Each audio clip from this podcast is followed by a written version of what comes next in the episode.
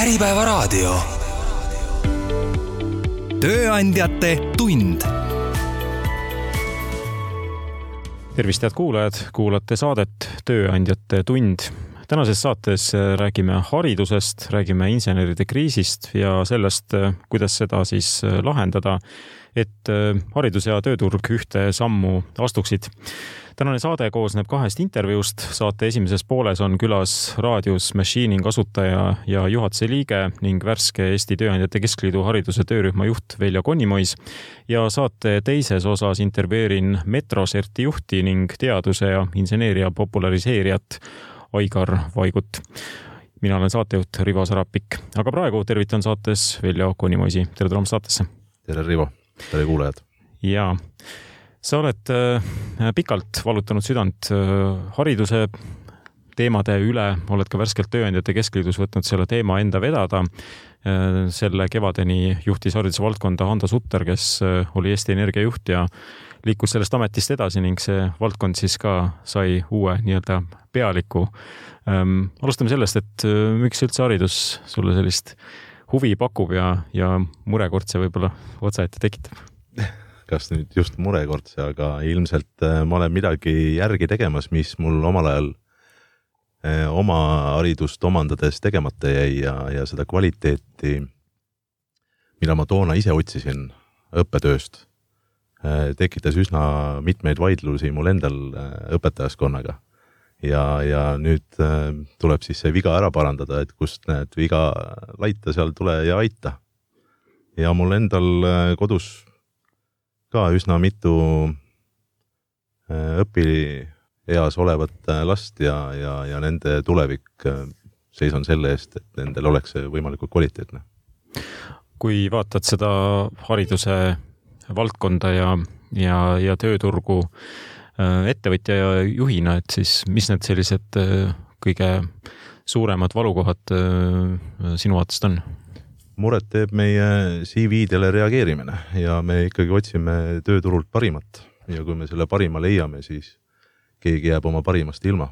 et äh, selline see võitlus meil äh, tööturul on, et äh, meie ettevõtte areng on siis kellegi arvelt ja ja ise sellise vastutava positsiooni peal olles väga kergekäeliselt neid otsuseid või neid allkirju kuskile töölepingutele alla ei taha panna, aga tuleb teha ehk siis mure on see selles, et äh, piisavalt heade oskustega inimesi ei ole, nende üle käib tohutu võitlus ja konkurents, mis sööb siis äh, tegelikult sisemiselt ettevõtjaid ja sellist tervet nagu majandusruumi. täpselt nii, jah. aga mm, hariduse töörühm on värskelt sinu juhtida äh, saanud.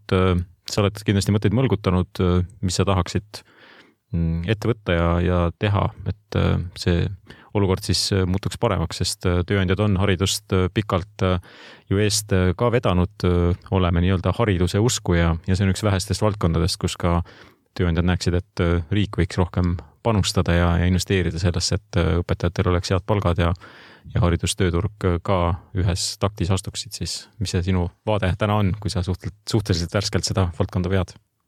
tead, äh, mu silmad iga korraga lähevad väga rohkem lahti, kui äh, uus ja, ja äge nii-öelda ekskursioon meie majja satub. Neid satub üsna tihti ja, ja see huvi on viimasel ajal kasvanud, aga kasvanud on ta ilmselt ka meie töö tulemusel. see, kus äh, me avastasime seal puudujäägi, oligi nendel esimestel kordadel, kui me kutsusime endale külla ja see huvi oli pehmelt öeldes leige ja tööstus üldse on tänasel hetkel haridussüsteemis selline vaeslapse otsa jää-, ossa jäänud. vähemalt nii sealt tööstuse poole pealt vaadatuna, siis väga kergekäeliselt koolis seda aega ja võimalust ei otsita, et meile külla tulla ja näha, millega me tegeleme ja ühest otsast seda parandama hakates olen selle teekonna ette võtnud ja selle töö, teekonna käigus vererõhk äh, viimasel ajal üsna tihti kasvab äh, lubatud piiridest äh, väljapoole. miks nii? ma olen loomult võib-olla selline, kes võtab hingega asja ja võtab hästi palju asju kiiresti hinge.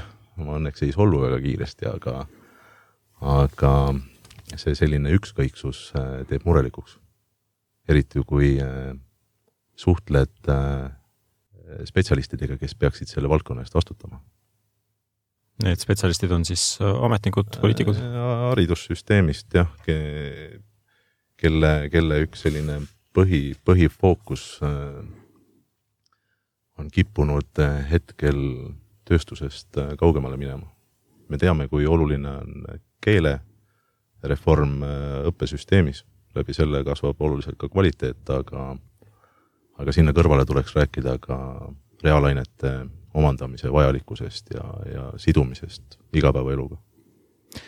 jah, sellest me räägime tänases äh, saates ka ja võib-olla see on, ongi tegelikult sobiv hetk, kus äh, heita pilk sellele, mida me leiame koalitsioonileppest, sest see on üks äh, selline vormistus või sõnastus või dokument, mis äh, mõjutab seda, kuidas, mis otsuseid tehakse lähiajal ja need otsused mõjutavad tegelikult ju väga pikka äh, vaatesse ka tulevikku.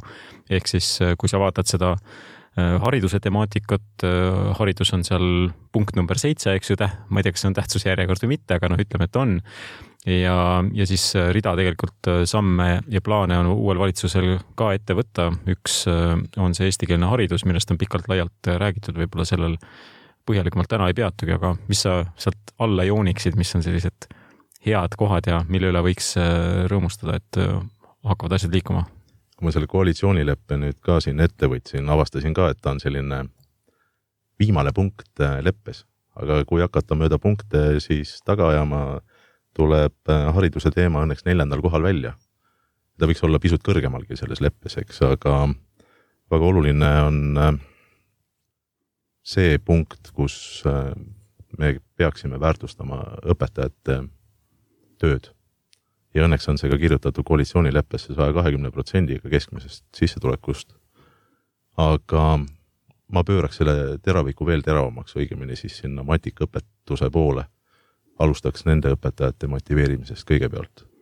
nagunii vahendeid napib, aga tõstame selle prioriteedi veel kõrgemale, kui ta seal on. ja kui näpi, näpuga edasi minna, siis muidugi ka siis ametioskuste omandamine keskhariduse omandamise ajal. me räägime kutsekeskharidusest. see on teema, millega tuleb tõsiselt tegeleda ja väga laiapõhjaliselt, mitte nii, et me siin räägime ainult inseneridest, aga kogu ühiskonna oskustest, mis viimasel ajal on väga sellised sekundaarsed.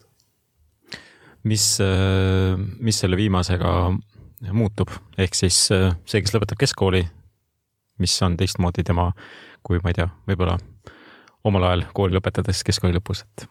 no kes meist ei oleks ülikooli ajal tööl käinud, et äh, selle võrra rohkem on ta kindlasti hinnatud, kui ta tuleb täiesti rohelise lehena, kasvõi, kasvõi oma tööampse tegema ja, ja kui me teame, et meil on tööjõudu puudu, siis äh, ülikooli kõrvalt äh, tehtav töö annab ju hulga lisandväärtust juurde ka see ajal, kui me omandame kõrgematasemelisi oskusi, mida siis tulevikus paremini hinnatakse. ehk siis see puutumus ja kokkupuude päris eluga nii-öelda on äh, ähm, selline väärtustõstev asjaolu, mis sellel õpilasel on, kes keskkooli lõpetab? Ja ma arvan, et me oleme isegi võimelised ja küpsemad oma valikuid tegema ja ennast siduma erialade ja ametitega. et see teadmine jõuab ka siis juba keskastmes kohale. mida veel võiks tõsta äh, esile või välja äh, koalitsiooniplaanidest?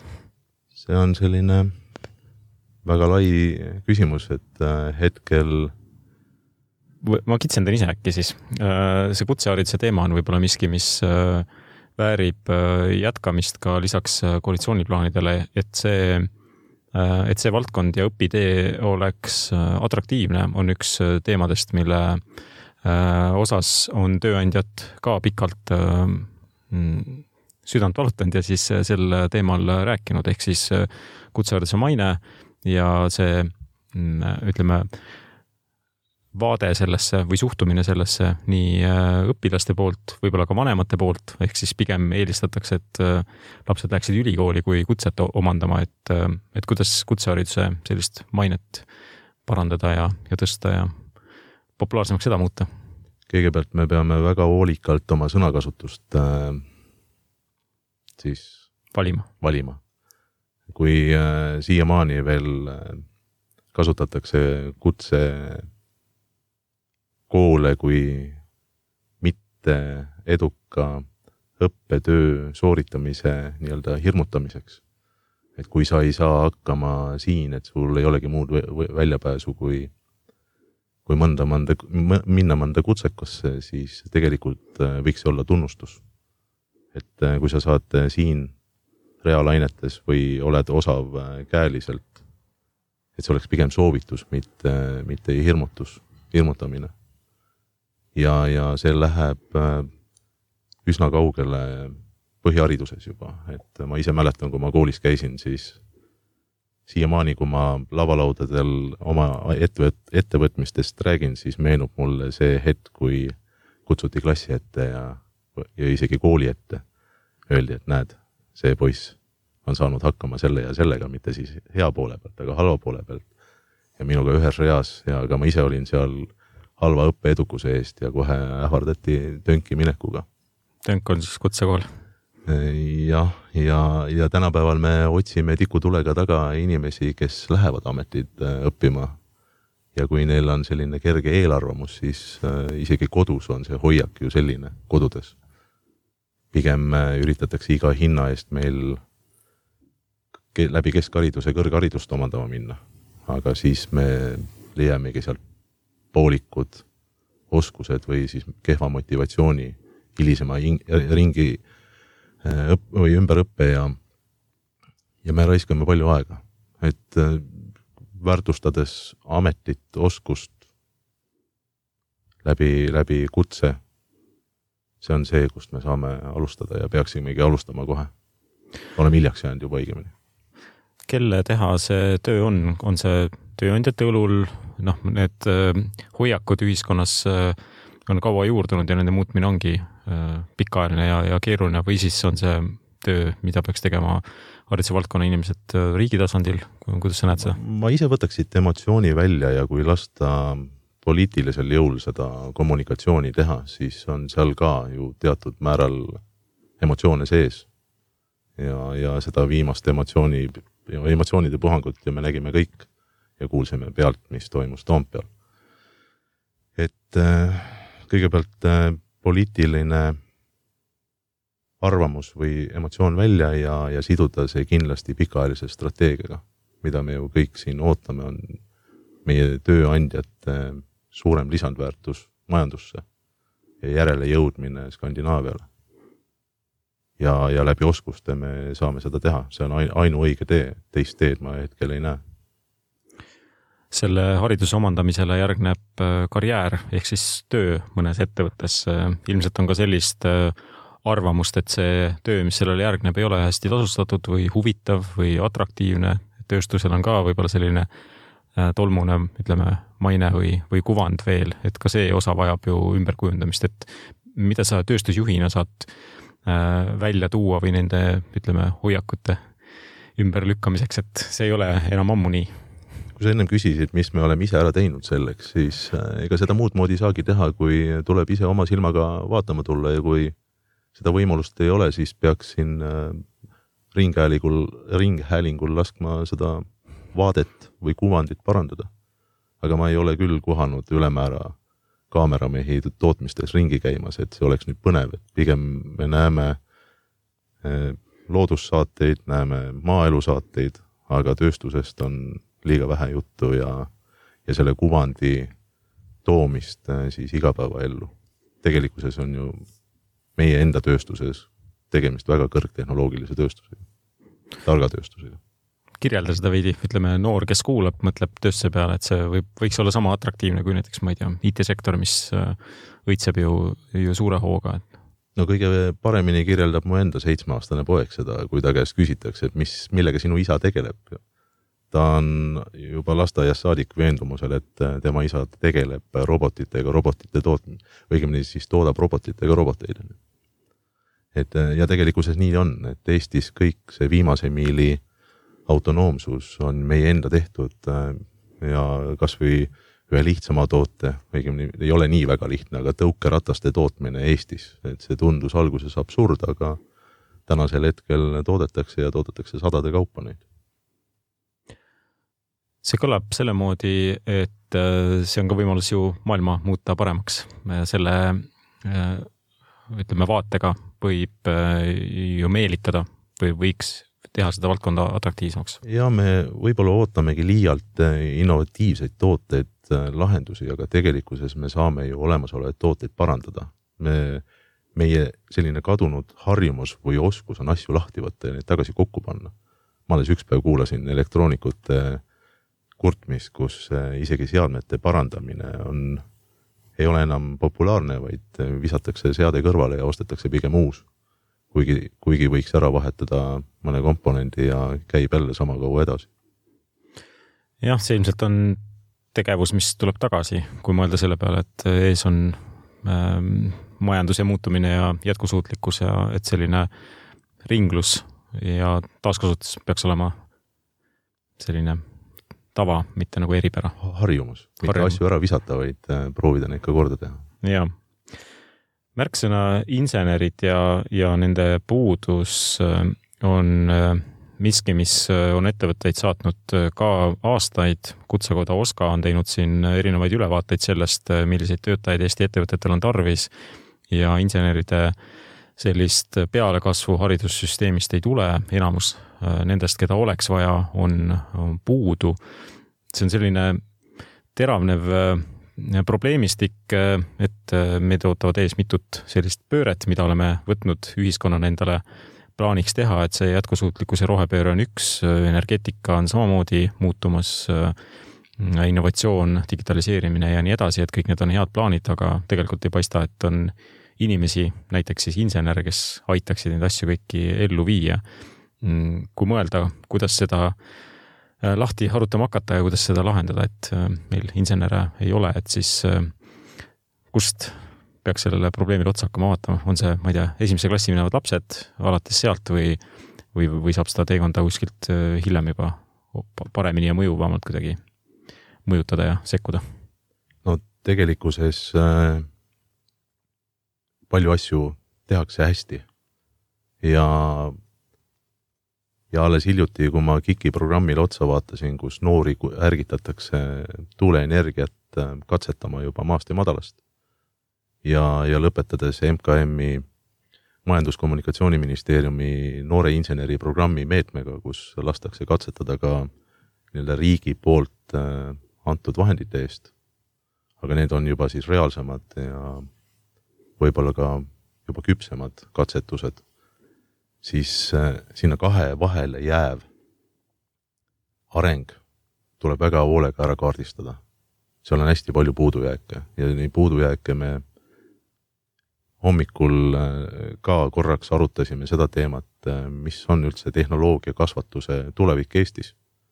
siis tegime kiire kõnevooru ja avastasime, et riik on küll tellinud tehnoloogiakasvatuse või õpetuse suuna spetsialiste, siis tegelikkuses me loeme ühe käe sõrmede peal üles, kes on lõpetamas. ja siin, siin see puudujäägi selline esmakokkupuude saab olema noortega, kes kaks tuhat kolmkümmend viis peaksid meie eesmärki täitma hakkama või olema siis juba seal nii-öelda eesmärgi saavutanud.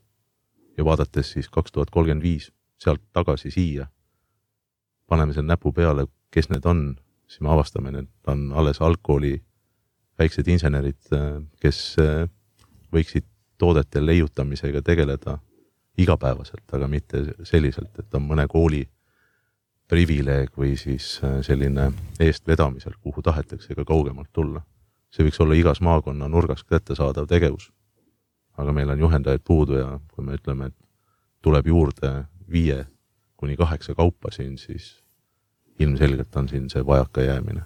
siin saab ka muidugi ettevõtluspool appi tulla ja, ja oma jõud ühendada, aga siin jällegi seadusandlus tuleb, paneb ka käe ette, ütleb, et kas teil on õigus seda teha ja kas teil on see noortega nii-öelda õi-, õigus tegeleda, et see on see koht, kus meil ka sädeinimesed üritavad endale siis paberit äh, tekitada, et rühmad kokku saada, õppetöös osaleda. et need teekonnad tuleb ka vähe siledamaks ja sujuvamaks saada. Hando Sutter, kes on varasemalt hariduse teemasid siin saates ka sügisel lahanud, tõi välja sellise näitaja, et pooled noored, kes põhikooli lõpetavad, siis nende huvi reaalainete vastu on kadunud. kas see põhjus ongi selles, et pole neid häid ja inspireerivaid juhendajaid, kes näitaksid siis, siis neid võimalusi mm, ja, ja aitaksid selle äh, valdkonna ja ka reaalainete tähtsust õpilastele nagu huvitavaks teha, selgitada seda neile ja näidata, mis äh, väljavaated ka selles, sellele keskendudes võiksid olla. jah, ma ise oma mõtistu-, mõtisklustega olen jõudnud sinna, et saatan peitub äh, nuputelefonide kadumises, et mida Jobs tegi, tegi sisu tarbimise väga lihtsaks, tõi meile meedia igasse tasku. Ja, ja see ajakulu, mida me, mida me endale ka märkamatult äh, sisu tarbimisele panustame, selle asemel, et sisu loomisega tegeleda, ükstapuha, mis, millist laadi sisu, siis seda murda on väga keeruline. ja, ja seda eeskuju näidata või, või motiveerida siis sellest loobuma see on juba selline, kus tuleb rohkem spetsialistide poole vaadata, teadlaste poole, kes sellega peaksid tööd tegema, see ei ole ainult Eesti probleem, ma tean. et see on probleem, mis on laiaulatuslikum aga see sekkumise koht äh, peaks olema ikkagi siis varasemates kooliastmetes juba, et me ei peaks ootama sinna, ma ei tea, keskkoolini või, või ülikoolini, et et selleks, et see lõpptulemus oleks selline, nagu me soovime, et siis äh, tuleb varasemalt ikkagi tähelepanu sellele pöörata. harjumusi peame hakkama kasvatama juba maast ja madalast, et kui nüüd äh, tulla ja hakata sekkuma, mida kaheteistkümnendik mõtleb, siis me saame seal vastutöötava trotsi täis nii-öelda spetsialisti kes nii-öelda sundkorras on midagi omandama läinud, aga see ei ole õige tee. aga huvi reaalainete vastu ja matemaatika vastu on ka üks teema, mida võiks lahata. noh, me näeme, et äh, matemaatikaeksamite tulemused on läinud äh, kehvemaks pärast seda, kui meil on võimalus valida kahe matemaatika vahel, et siis kitsam ja, ja laiem. Kitsam tähendab siis äh, äh, kumb, kumba pidi see nüüd oli, üks on rohkem ja teine on vähem laiem oli vist äh, rohkem õpet. ikka rohkem. jah, just, just.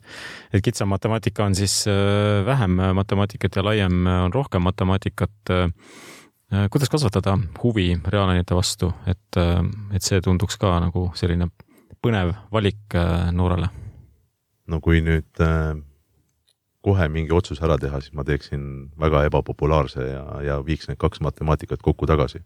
see, mida külvad, seda lõikad. kui me anname koolinoorele valida, et kumma ta siis teeb, siis ma oma kodus olen ka neid lahinguid pidanud, et mul küll vanem poeg õppis laia matemaatikat, aga kui jõudis eksamite aeg kätte, siis miskipärast tehti ikkagi valik kitsama matemaatikaeksami kasuks.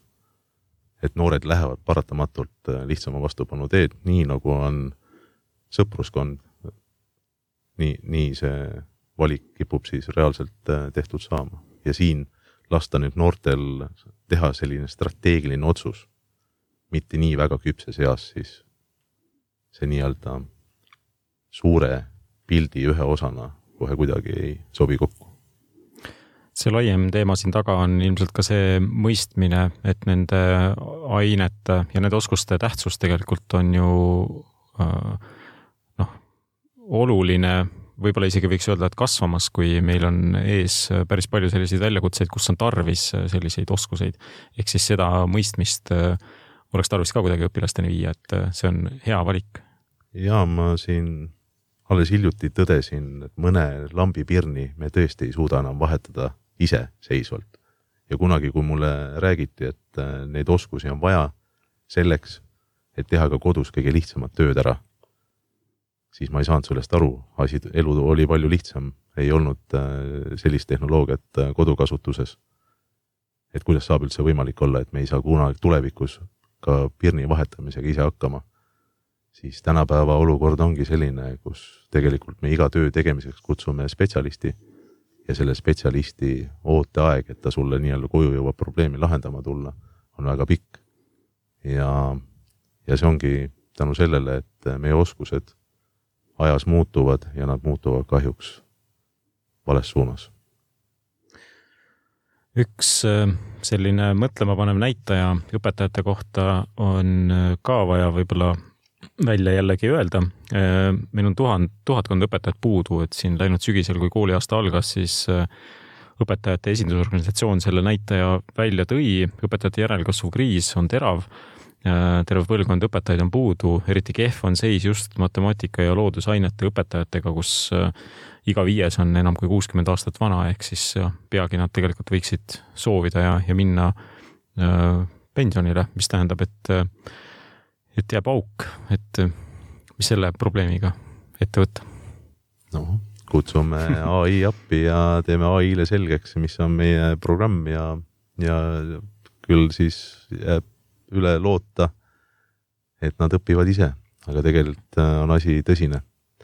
kui ma juba puudutasin äh, tehnoloogia kasvatust või õpetust, siis see vajakajäämine Ando Sutteri poolt on ju ka üles tähendatud, on ju ka maatikaõpetus laiemalt, füüsika, keemia.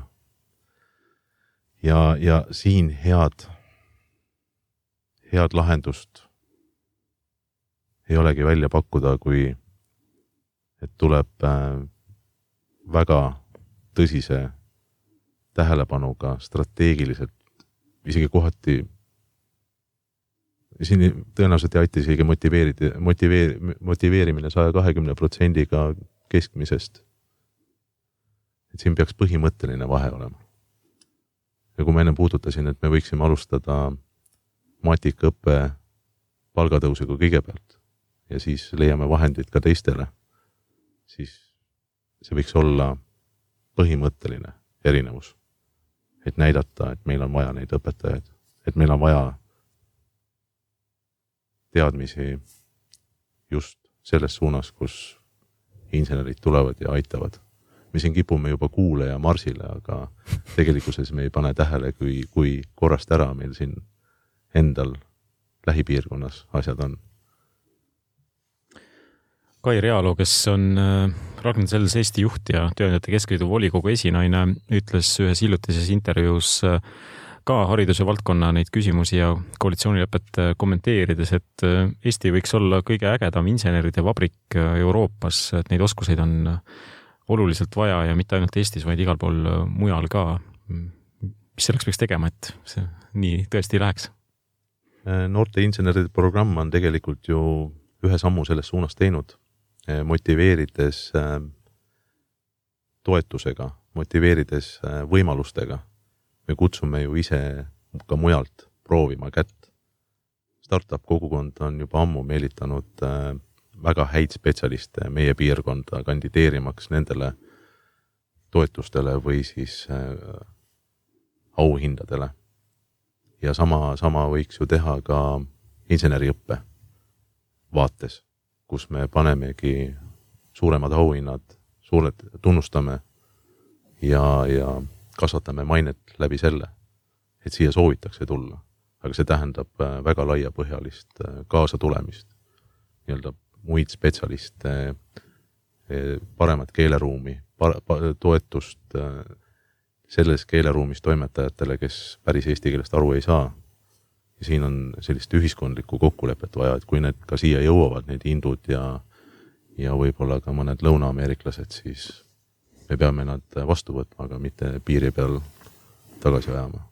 et nende integreerimine, et ei olegi võib-olla nii maast madalast vajalik tulevikus kindlasti ka, kui nad otsustavad siduda ennast Eestiga. aga see on üks selline, ütleme, et oru tekitamise koht, et teadmiste oru, kus äh, üks väike riik suudab väga kiiresti teiste seas silma paistma hakata. aga siin on vaja nii-öelda koosminemist see teadmine paistab olevat olemas äh, nendel, kellel kõige teravam see puudus või kriis on käes, ehk siis ettevõtjad ja, ja tööandjad. kuidas ühiskonnas laiemalt on äh, kasvõi seesama arusaam reaalainete tähtsusest, inseneeria tähtsusest, sellest, et äh, me ei saa paljusid asju ühiskonnas teha, näiteks ka kõrgepalgalisi töökohti siia luua, ka riigi maksutulu on sellest mõjutatud, kui meil ei ole neid vajalike oskustega inimesi, insenere näiteks no ütleme, et äh, meie enda ühiskond on ka juba jõudnud ju sinnamaani, kus väga lihtsaid töid ei, ei tulda väga hea meelega tegema ja kui tuldakse, siis küsitakse spetsialisti palka. et ähm, see on keeruline. nii-öelda saada kõik ühiskonnakihid ühte sama jalga käima, et siin on vaja tõsiselt kommunikatsiooniga tegeleda, mitte nii, et tulla üks päev selle plaaniga lagedale. küll siis neid vastutöötajaid ja nimbi plakatitega lehvitajaid on. küsin viimase asjana, mis sulle lootust annab äh, selle teemaga tegelemisel, nagu sa viitasid siis äh, intervjuu sissejuhatuses, et siis äh, on olnud selliseid keerulisemaid hetki ka ikkagi näha, et asjad liiguvad aeglaselt ja võib-olla ei ole kohale jõudnud ja ja muutused tulevad, võtavad aega, et mis sulle lootust annab täna? no annab lootust äh, ikkagi see seltskond, kes asjast aru saab ja ma ei saa öelda, et iga jumala päev keegi saadab äh, kirja, ütleb, et jube õige asi, aga iga nädal keegi tuleb, astub ligi, et ma soovin ka kampa lüüa selle, selle tegemiseks, mida te hetkel olete tegemas noorte inseneride populariseerimisega, et see valik tehtaks ja õnneks ka riik on tegemas samme ja teinud samme, ennem nimetasin noorte inseneride programm, kus äh, antakse toetust just sellised väiksed töövõidud, mis on osa inseneriõppe rajal, teekaardil, siis ei olegi see väga lootusetu, et me saame ükskord selle raja lõpuni valmis nii see on, hoiame selle jaoks siis pöialt ja kulutame ka energiat, et äh, neid teemasid avalikkusele selgitada ja, ja siis ka kaasa aidata, et need muutused äh, tõesti äh, tuleks. aga ma tõmban saate esimese osale siinkohal joone alla.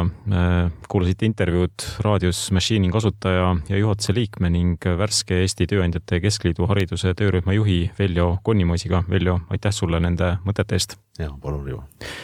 Ja tööandjate mõtteid äh, hariduse teemal saate lugeda tööandjate manifestist, mis kahe tuhande kahekümne teise aasta sügisel sai sõnastatud ja seal on teemasid rohkem, kui meil tänasesse saatesse mahtus. jätkame saatega, nüüd on mul mikrofoni ees äh, Aigar Vaigu, kes on Metroserti juht, Rakett kuuekümne üheksa, üks äh, tunnusnägudest ja teaduse populariseerija. tere tulemast! tere! Me jätkame samal teemal, millest rääkisime saate esimeses pooles, ehk siis äh, inseneride puudus, äh, reaalained noori ei köida, mingil põhjusel matemaatika tulemused järjest kehvemad äh, ja, ja mõnes mõttes Rakett kuuskümmend üheksa on võib-olla selline hea platvorm vaadata, et mis on see, mis meelitab või paneb noori huvituma nendest aladest, sest tööandjad on läbi aastate saanud Äh, kõnelda sellest, et äh, põhikooli lõpuks on suurel hulgal noortel huvi reaalainete vastu kadunud ja, ja valitakse või tehakse teistsugused valikud. Ähm, kuidas siis meelitada ja panna noori huvituma teadusest, reaalainetest, matemaatikast, füüsikast, keemiast? eks see on selline igipõline küsimus, et kuidas saada insenere juurde, kuidas saada teadlasi juurde. eks ta tuleb läbi selle, et äh, see huvi peab kusagilt tekkima ja see huvi tekib läbi selle, et sa puutud teemaga kokku, sa puutud valdkonnaga kokku ja see, need inimesed, kes sinu ümber on, kui selle valdkonnaga kokku puutud, et nemad on äh, head ja toredad ja juhendavad sind. ehk siis väga palju sõltub õpetajast, väga palju sõltub äh, vanematest ja teistest inimestest, kes on sinu ümber, selle noore inimese ümber, kui ta nende ainetega tegeleb no samas me teame ka, et äh, õpetajatega seis on keeruline, et reaalainete õpetajate vanu, kõrge vanus äh, viitab sellele, et äh, varsti see probleem muutub üksnes teravamaks, nad lähevad, eks ju, töölt ära, pensionile noori peale ei tule, et justkui selliseid nagu eeskujusid äh, ei ole.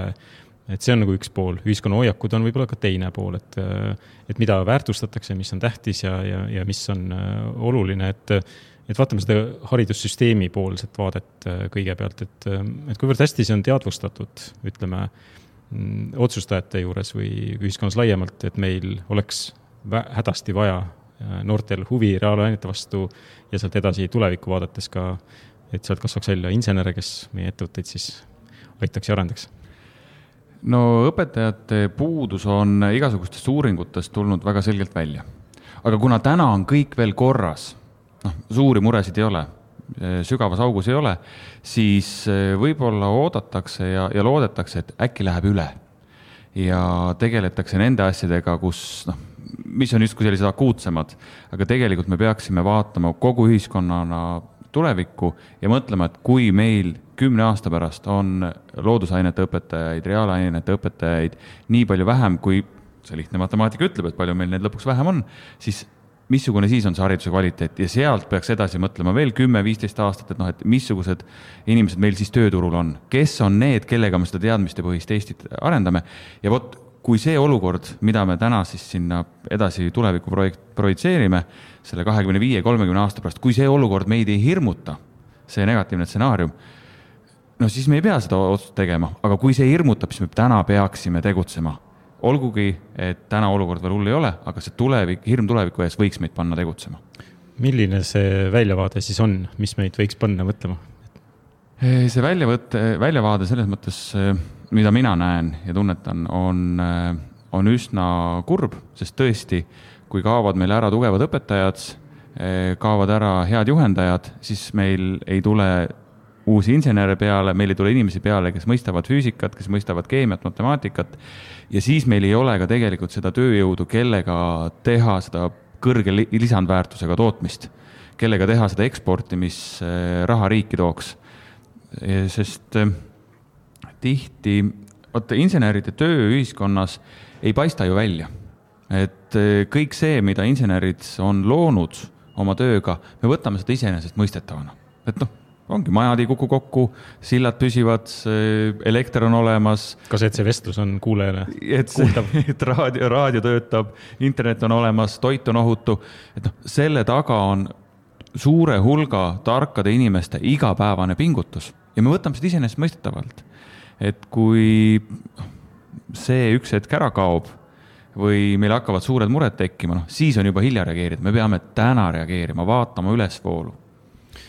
Aga mida saaks teha, ütleme, üks pool on see, et äh, me teadvustaksime seda näiteks äh, ka ühiskonna liikmetena, sest siis me oskame seda nõuda, küsida äh, otsustajatelt, kes näiteks haridussüsteemis siis neid valikuid teevad ja, ja mingis suunas seda lükkavad? no esimene asi, mida me teha saame, on seda teemat pildis hoida, sellest kogu aeg rääkida, sest kui me sellest üldse ei räägiks, siis noh, tunduks, et see pole oluline, kuna me sellest räägime teaduse populariseerijad räägivad, õpetajad ise räägivad, tööandjad räägivad.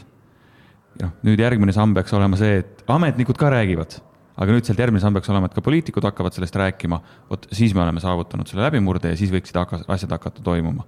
et noh, tuleb hoida seda survet peal ja sellest teemast rääkida sa viitasid, et see, mm, see kõik võtab aega, et kui nüüd tegutsema hakata ja, tulevikku vaadata, siis mm, kui palju meil seda aega on? otsustada ja, ja õigeid samme siis äh, valida, et äh, no see on nagu puude istutamisega, et äh, õige aeg puu istutamiseks oli kakskümmend aastat tagasi, järgmine parem hetk on täna. Ehk siis samamoodi on haridusega. sellesse, võtame siis selle loodus- ja täppisteaduste suunahariduse, sinna oleks pidanud panustama kakskümmend aastat tagasi, no ei teinud nii massiliselt, kui vaja oleks olnud, teeme siis seda täna. ja eks see on otsuse julguse küsimus ja tõesti, kurb selle asja juures on see, et see ei paista, see otsuse viljad ei paista kohe välja. et me järgmine aasta ei näe seda, mismoodi me oleme viie rikkaima Euroopa riigi seas tänu oma suurenenud ekspordile, keda, mida teevad targad inimesed, vaid see tulebki kümne, viieteist, kahekümne aasta pärast me hakkame selle vilju maitsma. aga noh, nii pika perspektiiviga otsuste tegemine ongi keeruline see peab, see nõuab julgust, see nõuab seda eh, viitsimist ja tahtmist eh, tulevikku vaadata. õpetajate puudus on üks eh, teema, eestvedajate puudus, aga kui vaadata nagu noorte otsa, et Rakett kuuskümmend üheksa toob ju, kogub selliseid noori kokku juba siin enam kui kümme aastat, kes võiksid olla huvitatud nutikusest ja, ja, ja erinevate probleemide nagu lahendamisest, et et kui eeskujusid napib, ühiskonna hoiakud võib-olla ka seda ei toeta, et eh, mis pilt see noorte poolt vastu vaatab, et? noorte poolt vaatab vastu, ma ütleks alati helge pilk, et huvi on, tahtmist on teha, noh, raketisaade on promo, et me aitame seda teemat hoida pildis, me inspireerime läbi selle. Nüüd päris töö tegelikult toimub ikkagi klassiruumis, kodudes, huviringides ja sellesamaga raketi Mm, siis egiidi alt või ütleme, selles samas ökosüsteemis on meil ka ju Rakett kuuskümmend üheksa teadusstuudiod, kuhu koolid tulevad äh, lahendama neid ülesandeid, neid töid, mida nad koolis teha ei saa. sest noh, seal on lihtsalt teised võimalused. siis on Rakett kuuskümmend üheksa õpihuvilaagrid, mm, siis on Unicorn Squads, see tüdrukute tehnoloogiakool, et noh, neid tegevusi on päris palju, aga nüüd ma näen täna veel seda, et neil ei ole sellist riigiülest katvust. noh, kujuta ette nüüd seda olukorda, et need huvi, huviringi asjad, mida tehakse seal tüdrukute tehnoloogiakoolis, kui need ei oleks mitte huviring, vaid see oleks tööõpetuse ja käsitöö asemel koolides et noh, sellesama programmiga mindaks, kus tehaksegi asju, mis on tuleviku inseneriõppe jaoks olulised. Ja tegelikult noh, kui nüüd kellelegi tundub, et tahaks, et kõik olekski füüsikud või kõik olekski insenerid, ei. Meil on ühiskonda vaja inimesi, kes mõistavad füüsikat, kes mõistavad matemaatikat, sest siis ükskõik, mida nad oma, noh, missuguse eluala nad valivad, kus nad töötavad, nad tänu sellele, et nad mõistavad loodust, nad mõistavad matemaatikat, teevad paremaid otsuseid, teevad paremaid valikuid nagu öeldud, siis see saade või sari on juba aastaid tegutsenud kas see on hea koht selliste hoiakute muutmiseks ja kujundamiseks, ütleme, mis on saanud nendest noortest, kes on teinud läbi selle, nad on seal võistelnud, võib-olla on võitnud, aga kindlasti on nad saanud hea kogemuse ja, ja, ja võib-olla maitse suhu, mis, mis on kõik võimalik? nii on, et kõik, kes mul praegu isegi meelde tulevad, raketis osalejad, et rakett on nende jaoks olnud selline, mitte telesaade, noh, seda ka ausalt, aga eelkõige selline tipptasemel koolitus. noh, et ma pean meeskonnas töötama, ma pean pinge all lahendama ülesandeid, ma pean suhtlema, eh, ma pean oma teemadest rääkima, et noh, selline nagu väga-väga kõva koolitus nende jaoks ja see on, ja ka Rakiti saade on avanud neile väga palju uksi, et ma mäletan, see oli, kas see oli kolm aastat tagasi, oli eetris eh, üks matemaatikateemaline saade ja tollel õhtul, kui see saade oli, ma sain ühelt pangajuhilt, sain sõnumi, kuule, saada mulle selle noormehe kontakt, kes täna saatest välja langes. miks? oh, aga ma tahaks ta enda juurde noh, praktikale võtta, et noh, et nagu nii äge inimene, et eh, noh, et kuidas ta mõtles, kuidas ta oma asju tegi ja ehk see lihtsalt üks selline markantne näide, kuidas see Rakett kuuskümmend üheksa on nende noorte jaoks avanud uksi. ja väga mitmed noored, kes on läinud siis eh, õppima Eestist väljapoole, siis kui nad oma CV-sse lisavad raketivõidu, siis see tõstab nad teiste riikide õpilaste seast selgelt välja, sest noh, kõik, kes kandideerivad näiteks Harvardisse või MIT-sse, on noh, nagu tippude tipud, aga nüüd rakett tõstab tippude seast veel meie Eesti õpilased välja mida tööandjad saavad teha? üks asi on see, et me hoiame seda teemat pildis, räägime, nõuame, juhime tähelepanu, kirjeldame neid vajadusi ja, ja ootuseid, aga mida veel lisaks sellele rääkimisele? tööandjad, see oleneb nüüd, mis tasemel, et eh, kes tunnevad valu näiteks sellest, et eks ikka ettevõtte juhid on need, kes valu tunnevad, et kui tal ei ole, kui tal on kümnest insenerist kuus tükki on puudu, siis ta ei saa ettevõtet täispotentsiaalil eh, juhtida. et peaks rääkima sellest, et, et kõik, kes igal pool töötavad, mõistaksid, kui olulised on õpetajad. et me neid püüaksime igatipidi väärtustada, siis jällegi tooksime välja, mis, mida annab inseneri elukutse eh, töötajatele, et noh, osad elukutsed paistavad rohkem välja ja inseneri elukutse tegelikult väga palju välja ei paista, aga see töö, mida insenerid igapäevaselt teevad, on põnev, see on tähendusrikas ja see on ka hästi tasustatud. ja üks asi, millest me võib-olla peaks veel rääkima, on see, et insener tuleb silme ette alati mees. ei väga paljud insenerid on ka naised, et eh, me peaks ka sellest rääkima, et, et inseneeria, eh, sellised tehnilised erialad, seal sugu ei mängi rolli, mängib rolli see, et kas sulle pakuvad, pakub see teema huvi, tahad sa selles valdkonnas tegutseda ja tahad sa teha noh, mingit nagu tõeliselt nagu ägedat, ägedat tööd, et me sellest peaksime rääkima, ehk sellist nagu töö või sellist nagu karjäärivalikut noorte puhul võiksid aidata tööandjad paremini suunata mis see on, mis äh, noort kõnetab ja meelitab, kas see on võimalus muuta maailma, muuta maailma paremaks? Äh? Metroserdi juhina, noh, ka minu ettevõttes, mida ma juhin, töötavad insenerid ja noored, kes meile tööle tulevad, siis noh, selge on see, et neid tegelikult motiveerib organisatsiooni kultuur, aga äh, sellest veel enam see, et nad saavad teha midagi Eesti jaoks ära, midagi maailma jaoks ära, et see, see miks on tänapäeva noorte jaoks ikkagi väga-väga oluline. ja seda või sellele küsimusele võimaldab hästi vastata inseneeria või inseneri elukutse? ja ta annab, inseneri elukutse annab äh, väga selge sellise väljundi, et see, mida sa teed insenerina, sa näed seda, sa näed seda päris elus juhtumas, et noh, kui sa oled silla valmis teinud või silla projekteerinud, siis sa näed seda silda päriselus. kui sa lood mingisuguse koodijupi, näiteks noh, maksuametis teeb inimeste tuludeklaratsiooni esitamise noh, viielt minutilt lühendab ühele minutile. sa näed seda, sa tead, kus see kasutuses on, tegeled ravimiarendusega tõsi, ravimite jõudmine poelettidele võtab väga palju aega, kas sa näed, et mingi hetk jõuavad need ravimid katsetusest, katsetustesse, mingi hetk eh, jõuavad nad poelettidele või kui sa oled eh, tööstuses automatiseerimisega tegeled, noh, sa näed, mismoodi sa muudad seda tootmist efektiivsemaks. et selline noh, päris eluga suhe on inseneridel väga-väga tugev.